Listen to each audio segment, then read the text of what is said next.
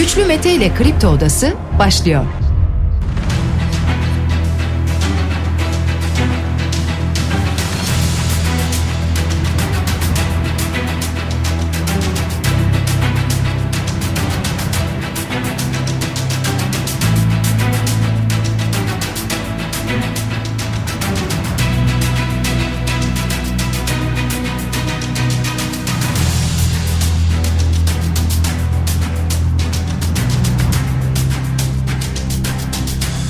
...10 Şubat Cuma sabahında sizlerle beraberiz sevgili dinleyiciler. Kripto Odası'nda bugün de saat 10'a dek sizlerle birlikte olacağız. Gündemdeki başlıkları değerlendireceğiz ki tek başlığımız var. O da deprem oradan gelen arada gelen mucizevi haberler öyle söyleyelim. Bunun dışında o bölgede yaşananlar bunlara bakacağız.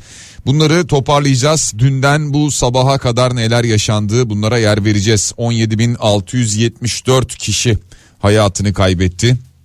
Son veri bu şekilde 17.674 can gitti. 72.879 yaralı açıklandı aynı zamanda.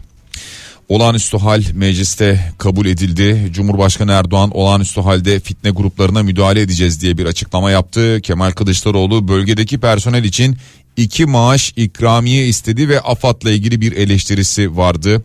Eğitime 20 Şubat'a kadar ara verildi. Üniversitelerde ikinci bir duyuruya kadar ara verildi. Süresiz bir ara oldu. Sporla ilgili futbolla ilgili gelen açıklamalar var. SGK bölgedeki prim borçlarını erteledi. Birçok başlık var sevgili dinleyiciler. Bunlara mümkün olduğunca yer vereceğiz. Acı bir gün, acı bir sabah. Bir haftadır böyle pazartesi sabahından beri yine yeni acılara uyanıyoruz maalesef. Toplamda yıkılan bina sayısı 6444. Buna ilişkin bir yenileme bir gelişme yok. Olmasın da zaten daha fazla yıkılan bina sayısı duymayalım tabi isteğimiz bu. Ama ihbarlar 11 bin civarındaydı. Demek ki o ihbarların tamamı doğru değilmiş ki 6444'te bu sabit olarak kaldı. E, can kaybı ve yaralı sayısı sürekli artıyor değişiyor. Yıkılan bina sayısı uzun süredir sabit 6444 olarak veriliyor. E, zaman zaman şu haberleri duyuyoruz ki bu sabah saatlerinde biz yayına girmeden önce bir anne ve çocuğun enkazdan sağ çıkarıldığı haberi geldi. Ben son olarak e, çocuğun sağ çıkarıldığı görüntüleri de izledim. E, fakat pek kendinde değildi. Umarız bir an evvel e, sağlığına kavuşur dileğimiz o. Çünkü bir yandan şu haberleri de duyuyoruz. Enkaz altından sağ çıkarılıyorlar ama maalesef daha sonra hayatlarını kaybedebiliyorlar. Umarız böyle olmaz. Tabii şimdi 101. saatte sağ çıkarıldılar ki hatta kendilerini kurtaran e, oradaki görevlere soruldu bu. Ne istiyorlardı bir şey söylediler mi diye. Hayır e, kendilerinde değillerdi çok yorgunlardı bir şey söyleyemediler dedi oradaki kurtarma çalışmasına e, katılan görevli böyle bir açıklama yaptı. Yani e, şimdi de mesela bir başka bölgede bir Kahramanmaraş'ta mesela bir anne kızın e, çıkarılması bekleniyor ki orada şu anda yoğun bir e, çalışma var. Burada da yine oraya sedye gönderildi. Yani bunlar aslında olumlu haberler. İşte bir sedye gönderiliyorsa, e, bir ısıtıcı gönderiliyorsa veya işte bir serum, oksijen tüpü gidiyorsa bunlar olumlu haberler olarak görülüyor. Veya bir ambulans siren sesi duyuluyorsa olumlu haber olarak görülüyor. Çünkü ya bir canlıya gidiyor ya bir canlıyı götürüyor anlamına geliyor. Çok büyük acılar var sevgili dinleyiciler. Şimdi e, bizi arayan, bize ulaşan dinleyicilerimiz oluyor. Yakın dostlarımız oluyor, onların arkadaşları oluyor. Görüşüyoruz. Öyle büyük acılar var ki insanlar oradan bir yakınını çıkartıyor. Çıkarttığı yakınıyla ilgili bir operasyon gerçekleşiyor. Örneğin bazen kolu, bazen bacağı kesiliyor. Daha sonra gidiyor orada bir başka yakını var. Annesi var, babası var. O canlı değil, onu biliyor, görüyor. Fakat çıkartamıyor. Üzerinde kolon var. Kaldıramıyor. Üzerinde ağırlık var, beton var. Onu çıkartmak istiyor. Bir vinç bekleyişi oluyor. Fakat şu anda doğal olarak bunun altını çizeyim doğal olarak öncelikli vinçler şu anda canlı çıkabilecek noktalara gönderiliyor. Hayatını kaybedenler varsa onlar bekleyecek deniliyor. İnsanlar da ailelerini yakınlarını oradan çıkarıp bir yeri belli olan mezarlığa koyabilmek istiyorlar. Dün bilmiyorum gördünüz mü bazı görüntüler vardı. E, derin ve uzun e, çukurlar açılmış. O uzun çukurların içerisine yan yana defnedilen cenazeler var. Acı tabii çok büyük acılar yaşanıyor. Olağanüstü hal tezkeresi mecliste kabul edildi. Biliyorsunuz Cumhurbaşkanı Erdoğan bu kararnameyi yazmıştı ardından da meclise gelmişti e, göndermişti. Mecliste de bu kabul edildi. Ardından da hemen resmi gazetede yayımlandı. Yani 10 ilde şimdi olağanüstü hal ilan edilmiş oldu bununla beraber. Olağanüstü halde neler olacak? E, Cumhurbaşkanı Erdoğan dedi ki süreci istismar eden fitne gruplarına karşı müdahale imkanını devlete vermiş olacaktır dedi. Böyle bir açıklama yaptı. Şimdi e, zaten şu anda süreci istismar eden birileri yasaya aykırı davranan buna benzer şeyler yapan birileri varsa zaten devlet müdahale eder. E, olağanüstü hal burada biraz daha kolaylık sağlayacak gibi görünüyor. Yani deniyor ki işte e, bölgeye mesela sokağa asker indirilebilecek. E, asker orada görev yapabilecek ve bazı kısıtlamalar getirebilecek. Girişler, çıkışlar, sokağa çıkma saatleri e, gibi bir takım kararlar alınabilir. Yani kesin böyle kararlar alınacak manasına gelmiyor. Ama mesela Cumhurbaşkanı Yardımcısı e, Fuat Oktay'ın açıklaması vardı. E, olağanüstü halle neler kolaylaşır diyor. Mesela acil ve hayati ihtiyaç malzemelerinin karşılanması, afet bölgesinde yıkılma riski olan binaların bulunduğu alanlara girişin sınırlandırılması, tehlike arz eden binaların yıkılması, zaruri ihtiyaçların dağıtılması, düzenlenmesi bunlarla ilgili çok daha hızlıca kararlar alınabilecek diyor. Mülki idare amirleri doğrudan satın alma yapabilecekler mesela diyor. Konaklama tesislerinin olağanüstü hal gereklerine göre kullanılabilmesi yine o hal kapsamında mümkün olabilecek diyor. Örnek veriyor diyor ki Amerika, Kanada ve Filipinler gibi birçok ülke doğal afetler sonrası o hal ilan etmiştir diyor. Yani aslına bakarsanız o hal ilan etmeden de Türkiye bunların hepsini yapabilirdi. Bu kararlar alınabilirdi ama bu biraz daha işte anayasal anlamda bakıldığında bir kolaylık sağlayacak gibi görünüyor sevgili dinleyiciler. Yani o halin e, gerekçelerini de bu şekilde açıklıyorlar. Aynı zamanda biliyorsunuz aslında bu bölgede bu 10 şehirde olağanüstü hal ilan edilince burada e, medya ile ilgili de istenen yasak getirilebiliyor o hal kapsamında. Yani bir takım yayınlar basıldıktan sonra toplanabilir, toplatılabilir. Basılması engellenebilir, yayılması engellenebilir gibi birçok başlığı da aslında içeriyor. Kemal Kılıçdaroğlu iş makineleri için çağrıda bulunduğu gümrük vergisini ve bekleme süresini kaldırın dedi. Şimdi iş makinelerine orada ihtiyaç var. Yani şu anda sadece hayat kurtarmak için değil. Evet hayat kurtarmak için orada makineler var. Vinçler var, kepçeler var. Bunlar çalışıyor. Ama artık bundan sonra yani bundan sonra diyorum tabii inşallah canlar çıkmaya yani canlı bir şekilde oradan insanlar çıkarılmaya devam eder. Ama 100 saati geride bıraktık. Ee, yavaş yavaş hani hep aynı şeyler söyleniyor ama umutların tükendiği e, dakikalar, saatler o dilim içerisindeyiz. Buradan bir süre sonra artık denecek ki sadece enkaz kaldırılacak. O nedenle e, şehirlerin yeniden ayağa kalkabilmesi için de o iş makinalarına ihtiyaç var. Kemal Kılıçdaroğlu yine diyor ki deprem bölgesinde çalışan kamu personeline iki maaş ikramiye yatırın diyor. Böyle bir teklifi var. Kötü durumdalar, hizmet vermeye çalışıyorlar. Her şeyi biz mi öğreteceğiz size? Devlet yönetin, devlet diye bir açıklama yaptı. Böyle bir açıklaması oldu sosyal medya hesabı üzerinden Kemal Kılıçdaroğlu'nun. Meral Akşener. Rozetsiz olarak buradayım. Meral Akşener olarak buradayım dedi. Bu karmaşanın nedeni tek adam sistemidir. Erdoğan'ı kapsayıcılığa davet ediyorum diye bir açıklama yaptı. Liyakatli kadrolarla çalışmaya davet ediyorum dedi. Böyle bir açıklaması oldu Meral Akşener'in. Liyakatin ne kadar önemli olduğu bir kez daha anlaşıldı mı? Yani bu anlaşma tabii ki anlama veya çok acı oldu ama çok kötü oldu değil mi? Bir iddia var. Tanzanya Büyükelçiliğine atanan eski AFAD Başkanı Mehmet Güllüoğlu Türkiye'ye döndüğü haberi. Ee, ki daha önce Kızılay Başkanlığı da yapmıştı Mehmet Güllüoğlu. Anladığım kadarıyla ihtiyaç var kendisine. Adana'dayız diyor. E, AFAD ve Adana Valiliği olarak yurt dışından gelen yardımları koordine ediyoruz diyor. Yani böyle bir durumda Türkiye'ye gelmesi tabii ki önemli bir e, hafıza var netice itibariyle ve bir geçmiş çalışma tecrübesi var.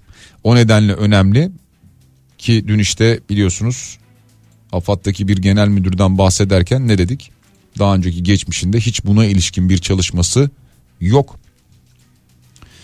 Aldığı böyle bir eğitim yok. İşte liyakat nasıl öne çıkıyor? Şimdi e, tüm bunlarla beraber klasik tırnak içerisinde bir şey söyleyeceğim. Reuters'e konuşan bir yetkili.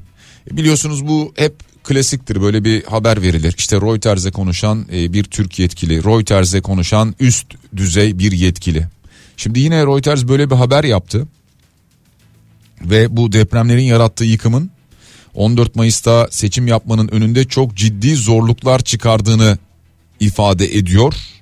Reuters'e konuşan yetkili. Ee, şöyle söylemiş yani haber böyle geçiyor. Olağanüstü hal zaten 3 ay süreyle var. Nüfusun %15'i o bölgede yaşıyor. Milli gelirin %10'una yakınını üreten bir bölge. Çok ciddi sayıda insan etkilendi. Şimdi daha acılar tam olarak bile yaşanmadı. Binlerce insan belki de göçük altında diyor. Şimdi bu doğru değil mi? Evet. Yani belki de binlerce insan daha göçük altında şu anda. Evet nüfusun %15'i bu bölgede yaşıyor. O hal şimdi resmi gazetede yayınlandı. Yani bugün 10 Şubat.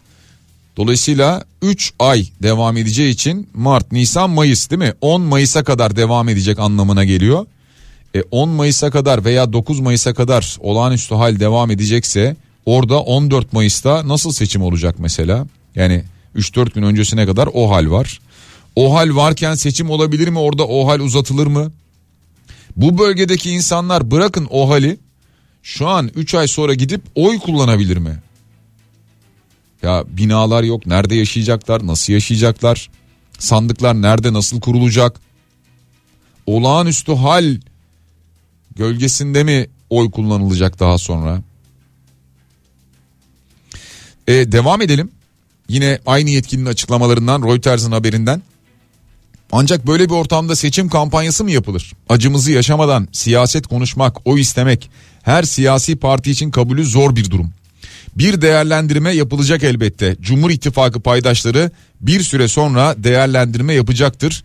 Girilen seçim döneminden çıktık gibi diyor yapmış olduğu açıklamada. Şimdi e, ya tabii şu anda ilk düşüncemiz oradan daha fazla insanın sağ salim çıkarılması. İlk ve en büyük düşüncemiz bu. Mucize haberleri. Şu anda en çok beklediğimiz şey bu. Ve orada hemen ardından orada depremzedelerin artık hemen tabii ki kolay değil ama yavaş yavaş e, hayata uyumlarının sağlanabilmesi, onların barınma ihtiyaçlarının, su ihtiyaçlarının, tuvalet ihtiyaçlarının bakın çok fazla mesaj geliyor bize. Tuvalet ihtiyacımız var diyorlar. Tuvalet ihtiyaçlarının karşılanabilmesi, giyinme ihtiyaçlarının karşılanabilmesi. Şu anda eğitim imkanı çok zor o bölgede zaten. Biraz sonra eğitimden de bahsedeceğiz. Profesör Doktor Naci Görür senelerdir anlatıyor. Anlatmaya devam ediyor. Ne kadar dinleniyor? Naci Görür diyor ki bizim endişe ettiğimiz yerler Bingöl ve Karlova arasında şimdi diyor. Doğu Anadolu fayının en kuzey doğu ucunda bir kesim var diyor. Orada en son deprem 1766 gibi oldu. Burada endişe ediyoruz diyor. Bingöl Karlova arasında. Veriyor net bir şekilde söylüyor işte. Bu Maraş fayından dolayı Hatay ve Adana havzası kesiminde dikkatli olmamız lazım diyor. Şimdi bu e, Hatay ve Adana e, havzasına daha önce de dikkat çekti. Son birkaç gündür bunu söylüyor. Şimdi bu depremden sonra Hatay ve Adana çok daha kırılgan hale geldi diyor. Çok daha tehlikeli hale geldi diyor. Söylemeye devam ediyor. Söylüyor da ne oluyor? Yani mesela Kahramanmaraş e, yayında konuştuk ya pilot bölge seçilmiş ya bundan 2-3 yıl önce. Ne oldu? Yani 3 yılda ne oldu mesela? Kahramanmaraş'ta pilot bölge seçildikten sonra ne yapıldı? İşte Maraş'ın hali ortada. Pilot bölge seçilmiş ya depremle ilgili. Binalar nasıl hani e, bu benzetme yapıldığı için söylüyorum kadayıf gibi çöküyor. 8 katlı bina hop dümdüz aşağıya. Şimdi bir tane bina görüntüsü var yan yatmış mesela o da. Yani binaya bir şey olmamış bina komple yan yatmış ama belli ki temelle ilgili sorunu var. Şimdi bu video bu fotoğraf gösteriliyor ağırlıklı olarak. Ondan sonra gel şeyi anlat işte üçgen oluştur. İşte kafanı bilmem neyin altına sok. E, kendini şöyle koru böyle kolla falan. Ya bina çöküyor kadayıf olan binada sen ne yapacaksın nereye saklanacaksın nasıl kollayacaksın kendini nasıl koruyacaksın kendini. Eğitimden bahsetmişken biliyorsunuz Türkiye'de eğitime 20 Şubat'a kadar bir ara verildi. Ee, aslında bunun tabii ki yani tahmin edersiniz ki moral açıdan e, çok önemli bir karşılığı var. Çünkü şu anda kimsenin e, ders yapabilecek ve o dersi anlayabilecek hali yok. Öğrenciler de böyle, öğretmenler de böyle. Ee, biz mesela e, pazartesi salı günü üniversitede derse başladık aslında. E, ama işte öğrencilerimizle de en çok konuştuğumuz konu yani ders tabii ki yapıldı ama dersin dışında da ağırlıklı olarak ders saati içinde üstelik herkes depremi konuşuyor. Çünkü herkesin bir yakını, tanıdığı, üniversiteden sınıftan öğrencilerimiz oradalar. Şimdi bakın ee, mesela hemen aklıma geldi ee, Adıyaman'da bulunan benim de Beykoz Üniversitesi'nden sınıfımdan öğrencilerim var. Şu an sağlık durumlarının iyi olduğunu söylüyorlar. Diyorlar ki biz burada adliye binası var göl başında orada kalıyoruz diyorlar. E, kalmalarının sebebi de şu oralılar ama kalmalarının sebebi de şu biz iyiyiz şu anda bir şeyimiz yok hocam diyor. Ama biz burada yardım için bulunuyoruz diyor. E, çadıra ihtiyaçları var. Dün bunu paylaştılar benimle. Dün gece saatlerinde konuştuk. Çadıra ihtiyaçları olduğunu söylediler. Diyor ki merkezde çadır olan yerler var ama olmayan yerler de var. Çadır sorunu yaşanıyor. Çevre köylerde hiç çadır yok. Sadece erzak ulaşıyor diyor. Dolayısıyla ee, çadır bekliyorlar. Çadırların sadece bir şekilde oraya bırakılmasını da istemiyorlar. Yani çadır bırakıldığında çünkü o çadırın kurulması lazım. Ekibin gelip çadırı kurması gerekiyor. O nedenle de burada bu bölgede bir çadır sıkıntısı var diyorlar. Bakın bir kez daha söyleyelim Adıyaman göl başındalar e, adliye binasının hemen yakınındalar. Diyorlar ki merkezde bazı yerlerde çadır var köylerde yok köylere gitmiyor. Çadır bırakılıyor bazen ama o çadırlar kurulmadığı sürece vatandaş bunu kendi kuramıyor. O yüzden bu çadırların kurulması gerekiyor diyorlar. Şimdi tekrar eğitime döneceğim. Bu yüzden de tam da bu yüzden. Yani öğrenciler, öğretmenler, yakınları, akrabaları orada bulunanlar, oraya yardıma gidenler, aklı orada kalanlar. Şimdi onlar varken eğitim tabi biraz zor. Ee, keza benzer şekilde e, üniversite için de aynı şey geçerli. Üniversitelerin açılışı da geçici olarak ertelendi. Bazı üniversiteler işte bu hafta açılmıştı ama yani açılanlar da artık eğitimini durdurdu bugün itibariyle. İkinci bir e, duyuru beklenecek Türkiye genelinde. E, açılış ne zaman gerçekleşecek? YÖK'ten buna ilişkin bir açıklama gelecektir. Öyle tahmin ediyoruz. Ama şu anda hayatın normale dönebilmesi için Türkiye genelinde normale dönebilmesi için daha biraz daha süreye ihtiyaç var. O bölgede normale dönmesi de hiç öyle kolay olmayacak.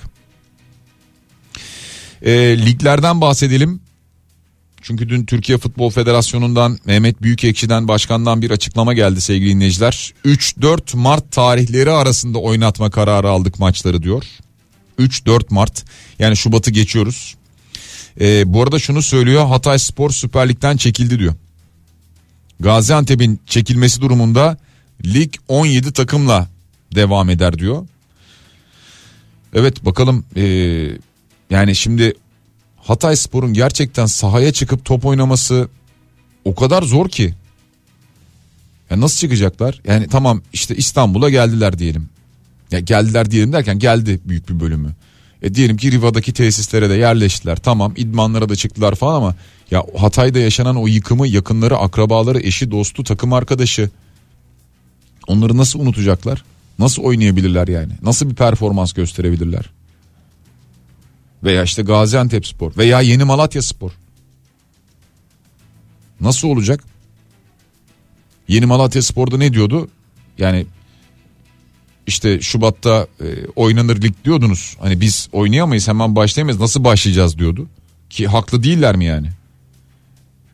Biz de ligden çekiliriz diyordu Yeni Malatya Spor ki Yeni Malatya Spor en çok problem yaşayan takımlardan bir tanesi oldu.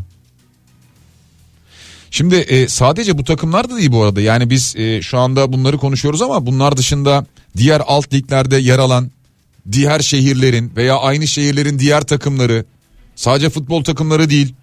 Bunun basketbolu var, handbolu var, voleybolu var. Var da var yani. Yüzmesi var, güreşi var.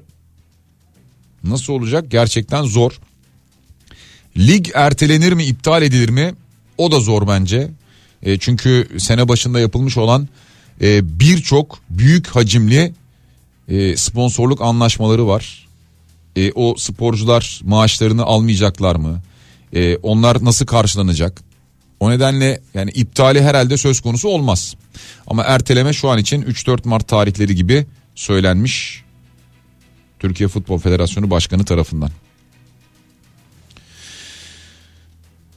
Merhaba Güçlü Bey. 20 yıllık UMKE personeliyim. Eğitim aldım, sağlık personeliyim ve UMKE'yi de liyakatsız insanlarla dolduğu için benim gibi arkadaşları göndermiyorlar. Bana ihtiyaç yokmuş. Anestezi teknikerine nasıl ihtiyaç olmaz aklım almıyor diyor bir dinleyicimiz. Valla bir yandan aklımızın almadığı o kadar çok şey yaşıyoruz ki bugüne kadar yaşadık. Şimdi de yaşamaya devam ediyoruz. İşte anestezi teknikeriyim diyor. Bana nasıl ihtiyaç olmaz diyor. Gerçekten nasıl ihtiyaç olmaz? Orada şimdi e, insanlar enkaz altındalar. Enkaz altındakiler çıkarılırken bazen bazen ihtiyaç oluyor. O sırada bir operasyon yapılması gerekiyor. Yani mesela daha yeni işte birisi çıkarıldı, kolu kesilerek çıkarıldı. Yani başka türlü çıkarılamayacaktı. Ya bu tip şeyler de yaşanıyor maalesef. Deprem bölgesindeki hastanelerin yaralı ya da vefat etmiş canlarımıza ait fotoğraflarının olduğu bir veri tabanı olmalı. Depremden kurtulan insanlar sağ çıkartılan yakınlarına ya da vefat eden yakınlarının cansız bedenlerine ulaşamıyor. Çevre illere götürüldüğü söylenmiş kendilerine ancak hangi ile nereye diye soruyor dinleyicimiz. Tam bir kaos hakim değil mi şu anda? Yalnız e, AFAD bir karar açıklamıştı. 24 e, saat içerisinde eğer kimliği belirlenemeyen bir cenaze varsa DNA örneği, parmak izi ve fotoğrafı alınıp daha sonra defnedilecekti. Yani belki sizin söylediğiniz gibi daha sonra bu alınanlar bir veri tabanı olarak açıklanır. İnsanlar ancak böyle ulaşabilirler. Ee, büyük acılar var gerçekten yani e, gidip enkaz başında bekliyor insanlar. Diyor ki içeride cenazemiz var. Yani artık bu zaten büyük bir acı. E, ama bekliyoruz çünkü sonra ne olacak bilmiyoruz. Yani bu enkaz nasıl kaldırılacak? İçeriden biz alabilecek miyiz yakınımızı? Onu bir yere biz kendimiz bir mezarlığa defnedebilecek miyiz? Bunları düşünüyor insanlar. Ceset torbası dikiyoruz. Ankara'dayım Güçlü Bey. Daha ötesi var mı diyor bir başka dinleyicimiz. Valla şu ara e, ceset torbası sevkiyatı yapanlar e, işte kefen için aranan tekstilciler kaç metre e, sizde kefenli kumaş var diye sorulanlar. AFA'da yapılan yardımların vergiden düşüleceği açıklandı. Bu teşvik mi yoksa birilerine fayda mı diyor bir başka dinleyicimiz. Ya aslında teşvik diyebiliriz tabi buna. Yani e, AFA'da yardımı yap e, vergiden düşsün deniyor.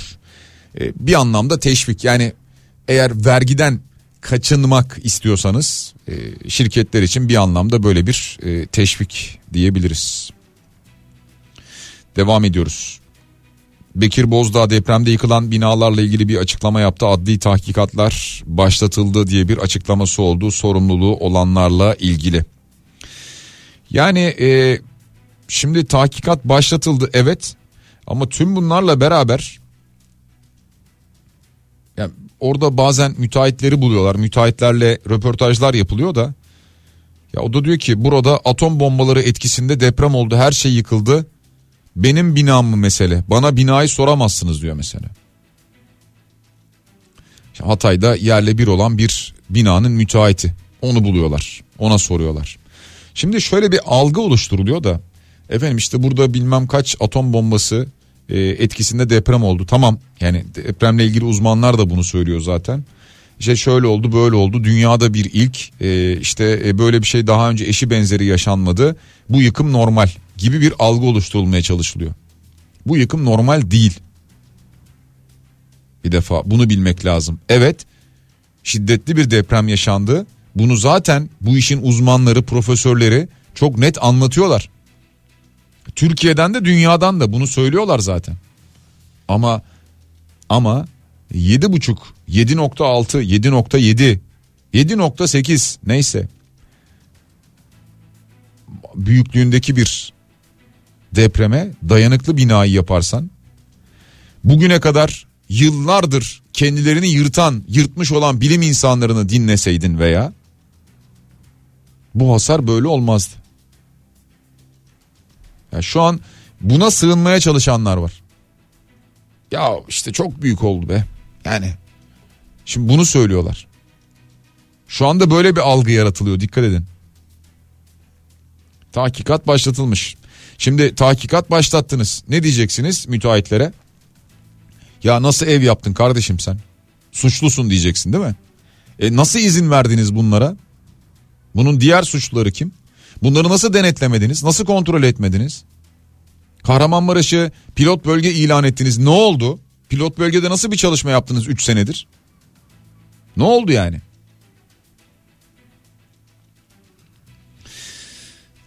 Meclis Başkanı Mustafa Şentop AFA'da 3 maaşını bağladığını açıklamış. CHP ve İyi Parti milletvekilleri de maaşlarını deprem bölgesine bağışlama kararı almışlar. CHP ve İyi Parti milletvekilleri.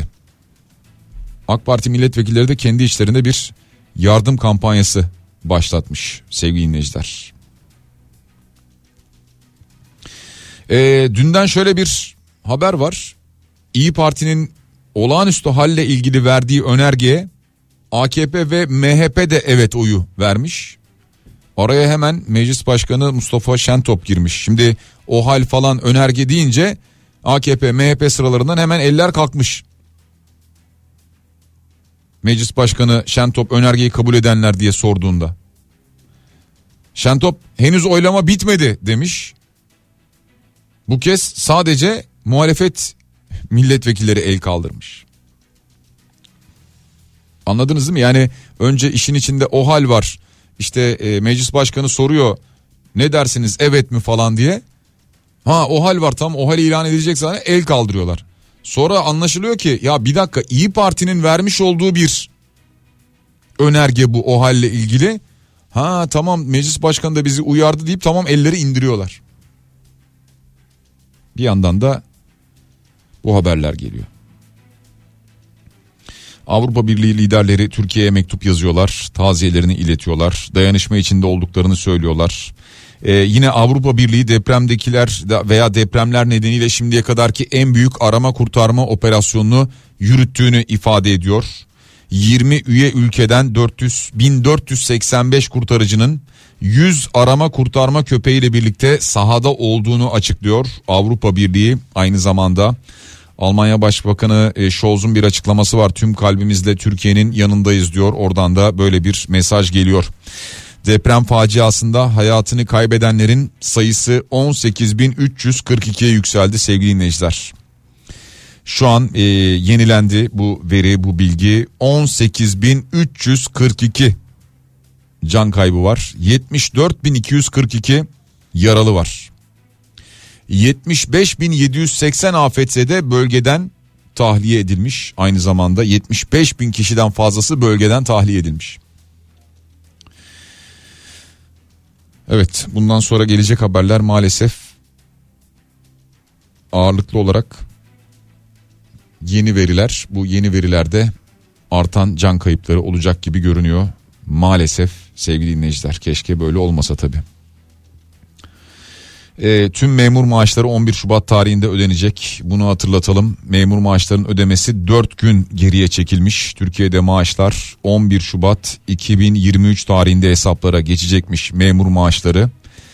E, Hazine ve Maliye Bakanlığı bu kararı aldığını duyurmuş.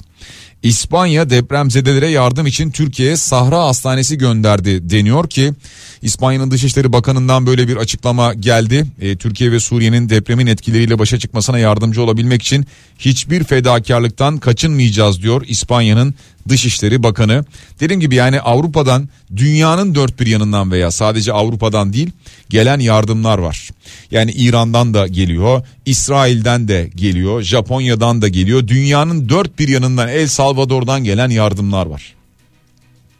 Önemli olan e, bunları organize bir şekilde kullanabilmek. Yani gelen aynı yardımları organize bir şekilde dağıtabilmek.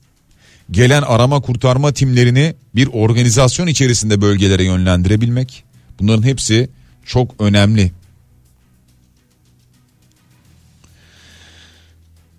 Bir dinleyicimiz diyor ki deprem bölgesinde hala elektrik olmayan ilçeler var. Örneğin Elbistan, Buralardaki afetzedeler cep telefonlarını şarj edemiyorlar. Telefonları kapanıyor, yardım koordinasyonu aksıyor, iletişim kesiliyor. Bölgeye acil portatif jeneratör desteği lazım. Belli yerlere kurulursa oralardan telefonlar şarj edilir.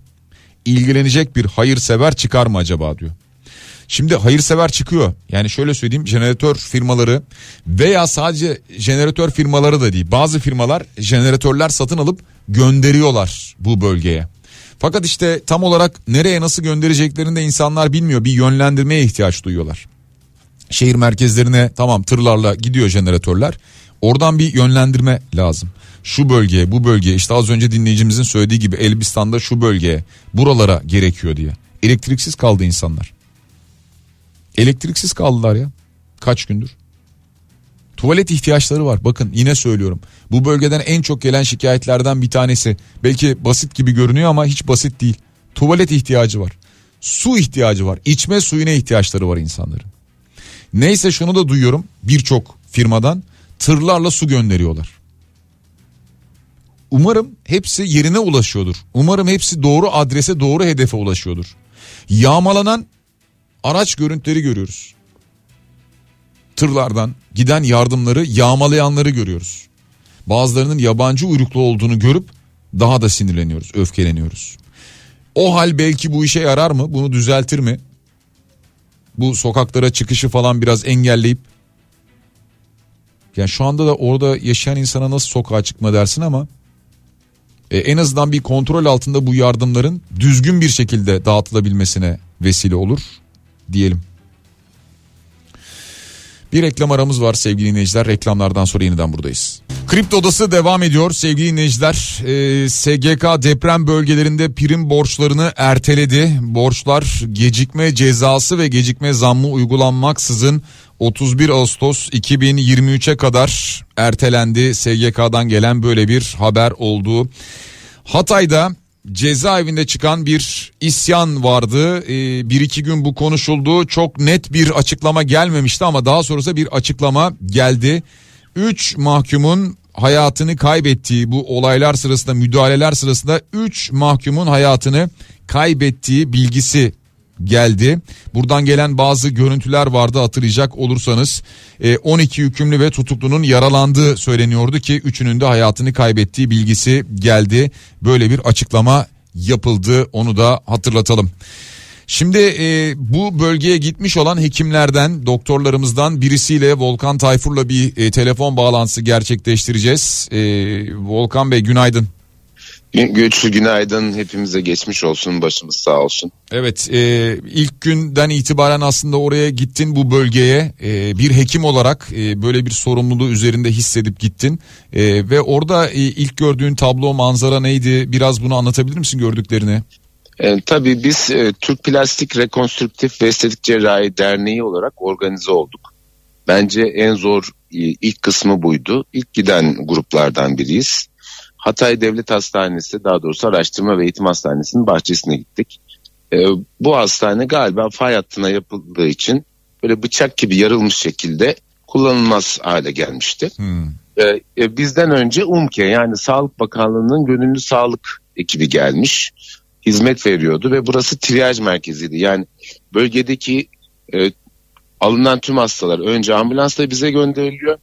Bir de işte bunları acil, orta acil, acil olmayan diye, diye hmm. ayırarak sevk etmeye çalışıyorduk. Hmm. Ee, herkes çok fedakar çalışıyordu yani bütün sağlıkçılar ve böyle şunu düşünebilirsin bir saati bir gün gibi düşünebilirsin belki hmm. iki gün gibi o kadar hızlı bir değişim o kadar büyük bir farklılık ee, çok çok zor bir şeydi ee, herkes çok fedakar çalıştı tabii ki bu büyük bir felakettir ee, bence çok daha e, çok iş yapıldı çok daha iyi de yapılabilirdi diye düşünüyorum. Ee, o bölgede e, oraya giden hekimlerden e, şunları da duyduk sosyal medya hesapları üzerinde bir takım eksiklikler malzeme ihtiyacı olduğunu söylüyorlardı. Tıbbi malzemelerin eksik olduğunu söylüyorlardı. Yani buraya geldik evet elimizde bir takım şeyler var kısmen kullanabiliyoruz ama e, daha fazlasına ihtiyaç var aslında diyorlardı. E, böyle bir eksiklik gözlemledin mi veya sonradan tamamlandı mı bunlar? Ya güçlü bence bunun e, bittikten sonra iyi bir değerlendirilmesi gerektiğini düşünüyorum. Yani orada olan herkes çok çalışırken acaba daha fazla neler olabilirdi? Daha fazla neler yapılabilirdi? Bunu düşünmek lazım. Bizim barışımız oraya 24 saatti. Evet çok eksikler vardı. Ee, daha çok şey yapabilirdik. Yani biz plastik cerrah olarak gitmeyi gittik. Yanımıza aletlerimizi aldık, malzemelerimizi aldık. Hmm. Ee, fakat daha önemli şeyler yaptık. Yani ilk karşılama, ilk müdahale, hastanın genel değerlendirmesini ilk yapan durumdaydık. Hmm. Bence daha hızlı daha hızlı organize olunabilirdi diye düşünüyorum. Yani hmm. e, bunun belki yorumunu yapmak bana düşmez ama e, bu acıyı yaşamış bir hekim olarak ben Türk milletinin, Türk devletinin çok daha iyisini yapabileceğine inanıyorum. Açık görüşüm de budur. Eksiklikler evet e, çok fazla ve çok vardı. Hı hı. E, hangisi yetiştirilebilirdi? Gerçekten bunu bütün bu işler biraz sakinleştikten sonra iyi analiz etmek gerekir. Çünkü Türk devletinin şeyi vardır yani acil planları vardır, acil durumları vardır. Bunlar ne kadar uygulandı onları incelemek lazım. Evet. Peki e, biraz e, uzun bir cevap oldu ama yani bu işin ucunu bırakmamak gerektiğini düşünüyorum. E, muhakkak buradan sonra bütün değerlendirilmelerin yapılması lazım. E, radyolarını yeni açanlar için hatırlatalım. Doktor Volkan Tayfur'la görüşüyoruz. E, ilk olarak nereye gitti? Yani bu bahsetmiş olduğun hangi bölgedeydin? Biraz o bir de... Biz e... şöyle Hı-hı. Plastik Cerrahi Derneği olarak e, işte 4, 4'te deprem oldu. Hı-hı. 8 saat sonra biz İstanbul'dan bir ekibimiz çıktı. Biz onlara öğleden sonra katıldık. Yani biz e, 20. 19. saat gibi Adana'ya vardık. 3-4 saat sonra aşağı Hatay'a indik. Öncelikle yolların açık olduğunu gösterdik. O sırada 8 çadır vardı. Biz Hatay merkez yani İskenderun'un merkez ilçesi Hatay. Hatay'a vardığımızda 8 e, çadır vardı. 48 saat sonra bu belki 50 katına çıktı. Hani bizim hayalimiz hmm. şuydu. Gerçekçi olmayabilir.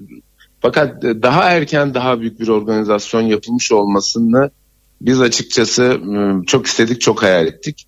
Tabii şunlar çok vardı işte, işte çadırın etrafı ıı, böyle çöpler dolu, işte hmm. tuvalet yok, hmm. ısınma yok. Ya bunlar işin e, sağlıkçılar dışında bir lojistik kısmında eksiklik olduğunu bana Tabii. düşündürdü. Bunların e, hani daha erken olabilirdi diye düşünüyorum. Hı Bu benim görüşüm hasta hizmeti açısından yani ambulansa binebilen hasta bize geldi bizden sevk edildi. Bununla ilgili hani e, bekletme falan hiçbir şey olmadı. Fakat hastanelerin e, açılması bu süreç bence Türk milleti daha Yani Türk devleti daha iyisini yapabilirdi diye düşünüyorum. Tabii eksiklikler zaten çok net bir şekilde e, görülüyor. E, peki şunu merak ediyorum. Gelen hastalar sana e, veya o bölgede getirilen hastalar e, genel itibariyle yani depremden çıkmış olan ama e, ağır yaralılar mıydı? Çünkü bir de şimdi Hepsi mesela he, onu soracağım. Çünkü mesela 70 bin yaralı deniyor şimdi de. E, yani o 70 bin yaralı deyince böyle hafif yaralı değil herhalde değil mi? Bir kısmının e, yani belki de hayatı Çok dönüşü zor ağırlar olacak. vardı Hı. güçlü. Yani çok ağırlar vardı. Ee, orta derece olan vardı ama ben hafif yaralı gördüğümü hatırlamıyorum yani. Belki de hafif Ya ben- yaralılar zaten Ya- kendiliğinden gelmiyordu, istemiyordu. o da Evet olabilir. yani onunla insanlar mesela şöyle oluyordu. Kimisi kendi aracıyla gelmiş. İşte biz o kadar büyük bir yoğunluk var ki yani nasıl anlatayım? Yağmur gibi hasta yağdığını, ambulans yağdığını düşünebilirsin. Hmm. Ee, mesela insanların kendi imkanı da var. Kendi aracında gördük. işte serumunu taktık, değerlendirmesini yaptık. Hasta durmayı siz kendiniz şuraya gidin e, diye yönlendirdik. Tabii böyle bir ya benim için e, yani önemli olan şey mesela biz 24 saat sonra oraya oraya vardık. E, ilk askeri helikopterin gelmesi bizden belki 24-36 saat sonra oldu. Hmm. Hani böyle orayı bir film gibi düşünme yani her şey kurulmuş işte askerler tabii. kontrolü ele almış güvenlik tam sağlanmış e, gibi düşünme. İlk başlarda bu işler bence daha yavaş oldu yani. Hani Evet. bir güvenlik saldırısına biz uğramadık E, ama yoktu da diyebilirim. Peki e, gidiş geliş nasıldı? Gidiş için e, fena değil dedin ama oraya gidenler bazen e, dönmekte zorlandıklarını söylüyorlar. Yani dönüş İşte için biz yani ben ona çok şaşırıyorum. Biz bak e, 20, şimdi benim için bu çok önemli bir şey. 20 saatle 23 saat arasında depremden sonra Adana'dan Hatay'a geçerken yollarda öyle bir yoğunluk yoktu. Hmm. Hani başlangıçta Bence- yoktu herhalde. Bence daha yoğun olmalıydı. Hani Hmm, hmm. e, hani trafik açıktı, birçok şey açıktı. Hani gerçekten korkunç bir deprem İşte var ama şöyle çabuk şey aksiyon gibi- alamadık herhalde. Hı hı. Bence öyle oldu. Yani bu depremi böyle bir suya atılan taş gibi düşünme. Bir, e, bir kurşunun böyle bir bıçağın bütün Anadolu'yu kestiğini düşün. Mesela bir yerde her şey yıkılmış 20 kilometre ötede de hiçbir yıkıntı yok. Ama 200-300 kilometre ötede yine yıkılmış. Hani aslında yani herhangi bir deprem noktasına yakın sağlam şeyler de vardı. Tabii çok şeydi yani güç onu yaşamadan anlatmak çok zor. Böyle bir mahşer yeri gibiydi her şey. Evet hala da kısmen öyle ama e, şu an orada e, gözlemlediğin kadarıyla hekimlerin neye ihtiyacı olabilir orada bulunanların? Yani hatta şunu da e, dahil Ya edebiliriz yani bu şunu- tuvalet su ihtiyacı dahil olmak üzere. E, güçlü zaten bu öyle bir şey ki yani hani bir saati iki gün gibi düşün diyorum ya. Şu an ne ihtiyaç olduğunu bilemem ben. Çünkü saat saat her şey çok değişti. Fakat şuna da e, en başından beri katılmıyorum. İşte orada bir ihtiyaç yok, bir ihtiyaç yok. E, bilemez ve göremez. Bunu yönetmek çok büyük bir iş. Mesela bize birçok hekim arkadaşımız işte arıyormuş ilgili kurumu. İşte gelmek istiyoruz. İşte gelmeyin gerek yok ama biz biliyoruz ki orada ihtiyaç var. O yönetim kurulunun başındaki kişi de orada ihtiyaç olup olmadığını Hmm. bilmediğini düşünüyorum en iyi ihtimalle. Bir de şu çok önemli. Bence bugün orada öyle günlerce çalışılamaz. Düşün ki sağlam kalmış bir devlet hastanesinde görevli arkadaşımız maksimum iki gün, üç gün çalışabilir. Ben şu an hepsinin tükenmiş olduğuna eminim. Doğru. Yani ihtiyaç şey gibi düşünmeyin işte onların tuvalete ihtiyacı var. O devreler artık e, geçmiştir yani. Yani fiziksel Sahra ve Hastanesi- psikolojik ihtiyaçlar var tabii doğru. Güçlü şöyle düşün. Mesela deprem oldu. O deprem hastaları e, taşındı taşındı. İşte atıyorum Adana, Mersin doldu. Onlar Ankara'ya taşınıyordur şimdi. Bu merkezlerdeki arkadaşlarımızın mutlaka değiştirilmeye ihtiyacı var. Doğru. Yani korkunç çalışılıyor. Şu an benim nacizane söyleyebileceğim şey işte Adana'daki hastanedeki arkadaşlarımız bitmiştir. Onların başka yerdeki meslektaşlarımızla değiştirilmesi lazım. Ee, bunun şu anda ben çok önemli olduğunu düşünüyorum. Ee, şey deniyor hiç katılmıyorum. Yani yardımlar boşa gitti falan değil. Yardımlar doğru zamanda organize giden yardımlar çok çok işe yaradı. Lütfen kimse moralini bozmasın. İşte yol kenarına iki tır atıldı bu iş boşa gitti asla değil. Ama o artık geçmiş olabilir. O organize olmayabilir. O yüzden yani ben halkımızın ve birçok e, yardımın aslında birçok e, organizasyon kısmının da doğru yapıldığını geç olsa da doğru yapıldığını düşünüyorum. Evet e, yani muhakkak arada belki bazıları heba alıyor olabilir ama çok az bir kısmı bu genel e, anlamına gelmiyor doğru söylüyorsun. E, bunu biz de dinleyicilerimize bir kez daha aktarmış olalım buradan. E, peki geçmiş olsun tekrar çok teşekkür çok ediyorum. Çok teşekkür ederim. Bütün halkımıza geçmiş olsun. Güçlü son bir şey söylemek Hı-hı. istiyorum. Bence bu çok önemli. Bu bir film değil. Bu bir hezeyan değil. Bu yıllarca sürecek büyük bir travma. Buradaki çocuklar annelerini kaybettiler, bacaklarını kaybettiler. İşte bunların gelecek zamanda yalnız kalmaması, tek başına bırakılmaması bir sene, iki sene, üç sene sonra bunlar çok önemli. Yani bu biz artık hayatımızın bir parçası ve lütfen ileriki dönemlerde de e, zarar gören insanlarımıza sahip çıkmaya devam edelim. Evet çok önemli. Ee, tekrar teşekkürler. Ee, sağ ol. Ee, ayrıca ee, eme emeğine de sağlık. Rica ederim. Türk Plastik Cerrahi Derneği olarak tüm hekimlerimiz gibi her zaman halkımızın yanındayız ve olmaya devam edeceğiz. Teşekkürler. Görüşmek Sevgili dinleyiciler e, Doktor e, Volkan Tayfur'la e, görüştük. E, o da o bölgede bulunan hekimlerden birisiydi. İlk gidenlerden birisiydi hatta. E, hatta dün sabah yayını alacaktım ama sabaha karşı geri döndüğü için ve uzun bir yol yaptığı için ve çok yorgun olduğu için dün sabah almadım. E, bu sabah kendisiyle daha net konuşuruz diye düşündük. Şimdi e, Türk Tabipler Birliği 2. Başkanı Ali İhsan Ökten'in bir açıklaması var. Sağlık Bakanı Koca'nın 10 ilde 77 Sahra Hastanesi kurduk açıklamasına tepki gösterdi. Çadır koyup iki yatak koymakla hastane olmuyor. Onları hastane olarak kabul etmiyoruz diye bir açıklaması oldu. E, Türk Tabipler Birliği'nden böyle bir açıklama geldi. Haluk Levent'in bir açıklaması vardı. Bölgeye kimse gönüllü gelmesin yarardan çok zararı olabiliyor diyor. Haluk Levent yapmış olduğu açıklamada. E, Birçok kişi bölgeye gitmek istiyor çünkü destek olmak istiyor. Ama bölgeye gidenler inanın orada e, eğer o organizasyon içerisinde değilse...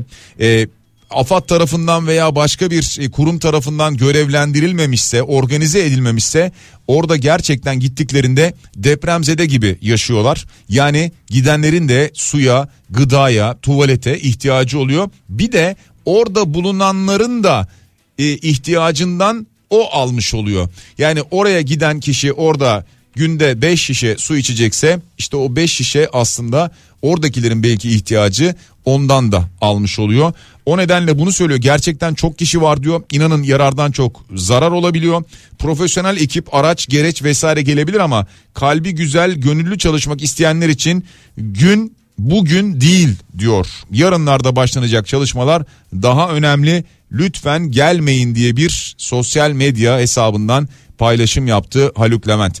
Evet yarın öbür gün daha önemli. Biraz önce e, Doktor Volkan Tayfur'un da söylediği gibi yani şu anda e, bir film sahnesi gibi görüyoruz ama bu bir acı, bu bir gerçek ve bu travma çok uzun süre devam edecek. Yani bu yaraların sarılması böyle hemen 3 gün 5 gün içerisinde olmayacağı için yıllar alabileceği için bundan sonrasına dair neler yapabiliriz? O bölgede bulunan insanlarımızla ilgili, o bölgedeki çocuklarla ilgili. Biraz önce işte bahsetti. E, hatta biliyoruz zaman zaman bu görüntüleri biz de görüyoruz. Maalesef ailesini kaybetmiş olan çocuklar var. Ailesini kaybetmiş olan bebekler var sevgili dinleyiciler. O nedenle daha yapılacak çok şey var önümüzde.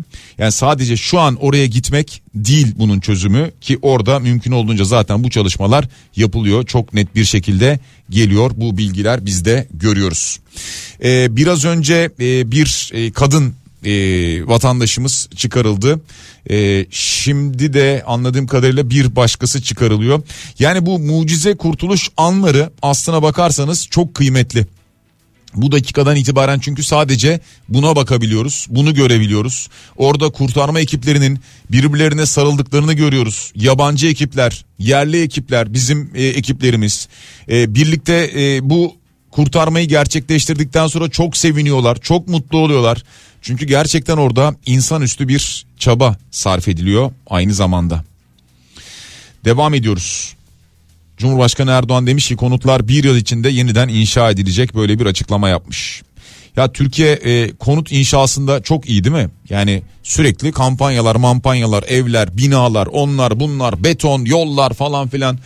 E madem bu kadar iyiyiz biz bunda da neden çöküyoruz bir depremde ya? Daha yeni yapılan evler. Yeni yapılan siteler. Diyor ki 2 milyon 800 bin liraya diyor geçen haftaydı buradaki dairenin fiyatı 2 milyon 800 bin lira diyor. Buradan yeni ev alanlar oldu diyor yeni bina zaten diyor. Çöktü yerle bir olmuş. Yani diyorsun ki yeni bina yeni yapılmış pırıl pırıl Diyorlar ki müthiş bir işte rezidans bilmem ne o bu falan filan yaptık. Al yaptın bir hafta önce sattın 2800'e 2400'e 2500'e neyse. Şimdi insanlara mezar oldu orası. İçlerinden çıkamıyor. Yani cansız bedenlerini çıkartamıyorlar insanların.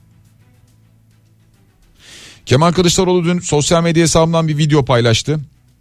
E, AFAD'ın Düzce Gölyaka depremi sonrası hazırladığı raporu gösterdi. AFAD kendi röntgenini çekmiş. AFAD'ın onurlu bürokratları tümüyle bunları yazmış ama dinleyen kim? Şimdi ben nasıl susayım diyor e, Kemal Kılıçdaroğlu. İnanın siyaset üstüdür demek en kolayıdır ama ben öyle bir yerdeyim ki artık kolayı yapamam. Bu kırık cam parçaları üzerinde çıplak ayaklarımla yürümek zorundayım.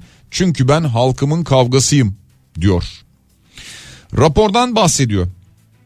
Ne diyor? 23 Kasım 2022'de yani sadece 2,5 ay önce Düzce'nin Gölyaka ilçesinde 5.9'luk bir deprem oldu. Can kaybı yoktu. 96 vatandaşımız yaralanmıştı.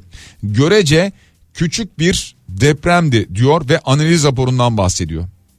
AFAD ne diyor? Koordinasyon sağlayamadık. Toplanma alanı yanlış seçildi. Yardımlar geç geldi. Çadır takibini yapamadık. Görevli personelin takip ve koordinesini sağlayacak birim yoktu. Koordinasyon birimi oluşturulamadı. Yemek dağıtımında sorunlar yaşadık. Afet nakliye personeli ancak iki gün sonra Düzce iline ulaşabildi. Deprem sonrasında zarar tespit sürecine bile yetersiz kaldık. Düzgün bir zarar tespit ekibi kuramadık. İnşaat mühendisleri yerine öğretmen ve imamlardan ekip kurduk diyor AFAD. Bu raporda. İşte bunu anlatıyor e, Kemal Kılıçdaroğlu. Bakın diyor yani bundan iki buçuk ay önceki bir deprem sonrası ki aynen söylediği gibi görece küçük bir deprem. Yani hayatını kaybeden falan yok. Yaralananlar vardı panik nedeniyle. Ya burada bile eksiklik ortada. Şimdi burada da nasıl organize olamadığımız, anında organize olamadığımız geç kalındığı maalesef yine ortada. Yazık belki daha çok can kurtulacaktı. En başa dönelim. Bu binalar sağlam depreme dayanıklı binalar olsaydı dünyada çeşitli örneklerinde olduğu gibi bu binalar yıkılmayacak. Bu kadar insan hayatını kaybetmeyecekti. 18.342 kişi öldü şu ana kadar tespit edilen. Yani inşallah öyle değildir ama binlercesi de daha enkaz altında deniyor. Çünkü 6444 bina tamamen yıkıldı denildi. Yani resmi veri bu. 6444 bina tamamen yıkıldı. Bina diyoruz. Bu binalarda kaç hane var acaba? Kaç daire var acaba? O daireler, o dairelerde yaşayan insanların sayısı. Yani şu an e, bir hesap yapsanız ortaya neler çıkar acaba? Maalesef. Evet diyor bir dinleyicimiz. Utanıyorum artık kendisi inisiyatif kullanıp emir beklemeden iş yapan komutanlar kalmadı ama gerçek bu doktor bey askeri helikopter gelmedi dedi ya buna hem hava şartlarının etkisi vardı hem de malum olayın diyor. Şimdi e, hava şartlarından bahsettiler o dönem. Hemen ilk günün e, akşamı veya ertesi günüydü unuttum. E, o günlerden birisi ya pazartesi akşamı ya salı sabahı dediler ki hava şartları olumsuz olduğu için helikopter kullanılamıyor şu anda demişlerdi. Ama bu arada mesela şunu da söyleyeyim size. E, bazı şehir merkezlerine yardım gönderen firmalar var. Büyük tırlar yani büyük tırlar derken büyük miktarda yüksek sayıda işte 8 tır 10 tır 15 tır şehir merkezine yardım gönderiyor. Sonra deniyor ya köylere gidilmediğini gidilemediğini bildikleri için o firmalar helikopter kiralayıp helikopterlerle oradan aldıkları yardım malzemelerini bazı köylere de gidip bırakabiliyorlar. Bunu yapan ya bildiğimiz şirketler, özel firmalar, büyük firmalar da var. Deprem bölgesinde SGK primleri neden silinmiyor da erteleniyor? Keza elektrik, su, doğalgaz faturaları insanların evi mi kaldı, işi mi kaldı ki fatura vergi ödesin diyor. Dinleyicimiz e, çok haklı bir tepki ve öneri dile getiriyor. Merhaba okullarda bundan sonra hayata idame çadır kurma ilk yardım gibi dersler verilsin diyor dinleyicimiz. Ha bundan sonra böyle bir eğitim verilmeli e, diyor okullarda. Valla o 10 okulda pardon o 10 şehirdeki okullarda eğitime nasıl dönülecek? Marketten ya da herhangi bir mağazadan aldığımız her ürünün mutlaka bir yıl, iki yıl veya daha fazla garantisi var. Fakat evin her ne hikmetse garantisi yok diyor dinleyicimiz. Yok. İşte yani yeni ev 6 aylık, bir senelik çok konuşuluyor işte 99 depreminden sonra mı yapıldı önce mi yapıldı? 99 depreminden sonra yapılmış. Çok sonra yapılmış daha yeni yapılmış. İşte çöktü insanlar altında kaldılar. Türk Hava Yolları e, bir düzenleme yaptığını duyurdu yurt içi uçuşlarla ilgili.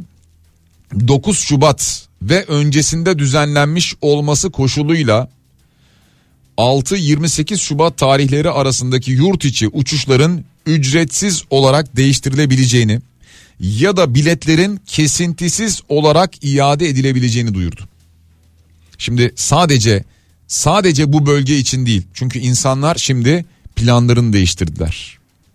Yani e, yurt içinde bir yerden bir yere gidecek olanlar veya işte tatil amaçlı bir yere gidecek olanlar insanlar planlarını değiştirdiler depremden bu yaşanan acı olaydan dolayı. O nedenle e, Türk Hava Yolları da diyor ki 9 Şubat öncesinde düzenlenmişse biletiniz eğer e, o zaman 28 Şubat'a kadar olan yurt içi uçuşlarda ücretsiz olarak bir değişim yapabilirsiniz ya da kesintisiz iade olabilir diyor Türk Hava Yolları.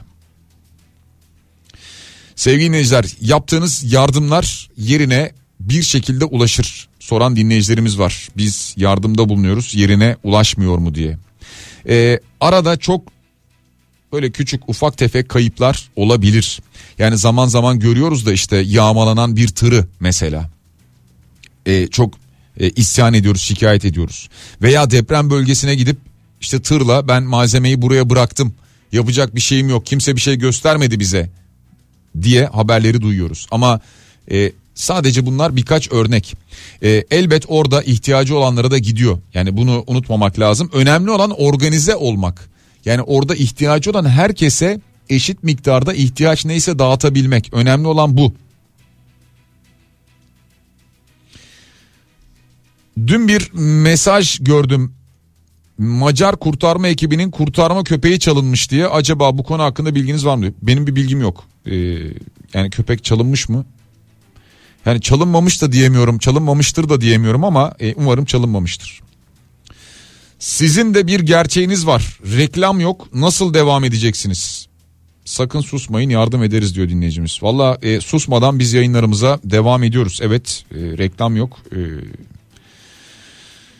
yani reklam olması da beklenmiyor zaten böyle bir dönemde. Reklam veren firmalar da zaten bu tip dönemlerde e, reklamlardan çok bağışlarla e, bir süre devam ediyorlar. Doğal olarak. Ee, evet çok mesaj geliyor e, dinleyicilerimizden ama siz yardım yapabilirsiniz. Ya da şu dönem için işte bu yardımlar e, çok geldi gitti gibi şeyler düşünüyorsanız eğer e, bekleyin. Dediğim gibi bu sadece bu dönem için geçerli değil. Bir hafta sonra da gerekecek yardım. Bir ay sonra da gerekecek yardım. Muhtemelen bir sene sonra da gerekecek Evet biz programın sonuna geliyoruz sevgili dinleyiciler. Cenkere Teknik Basar'a teşekkür ediyoruz. Biraz sonra Bediye Ceylan güzelce sizlerle birlikte olacak. Yine deprem bölgesinden haberlerle biz yayınlarımıza devam edeceğiz. Bediye, Salih, e, Pınar, Zeki bütün yayınlarımıza bu şekilde gün içerisinde biz devam edeceğiz. E, zaten ağırlaştırılmış bir yayınla beraberiz. Ağırlıklı olarak yine bu bölgeden gelen bilgileri de sizlerle paylaşmaya devam ediyoruz. Eee hafta sonu keşke daha çok iyi haberler alsak. Yani e, daha çok kurtarılan haberi alsak. Bu dakikadan sonra bize gelebilecek olan iyi haber bu olabilir. Mucizevi kurtuluş haberleri daha çok gelse dileğimiz ağırlıklı olarak bu. Bir kez daha hayatını kaybedenleri 18.342 canı rahmetle anıyoruz. 74.242 yaralı var. Acil şifalar diliyoruz. Hoşçakalın.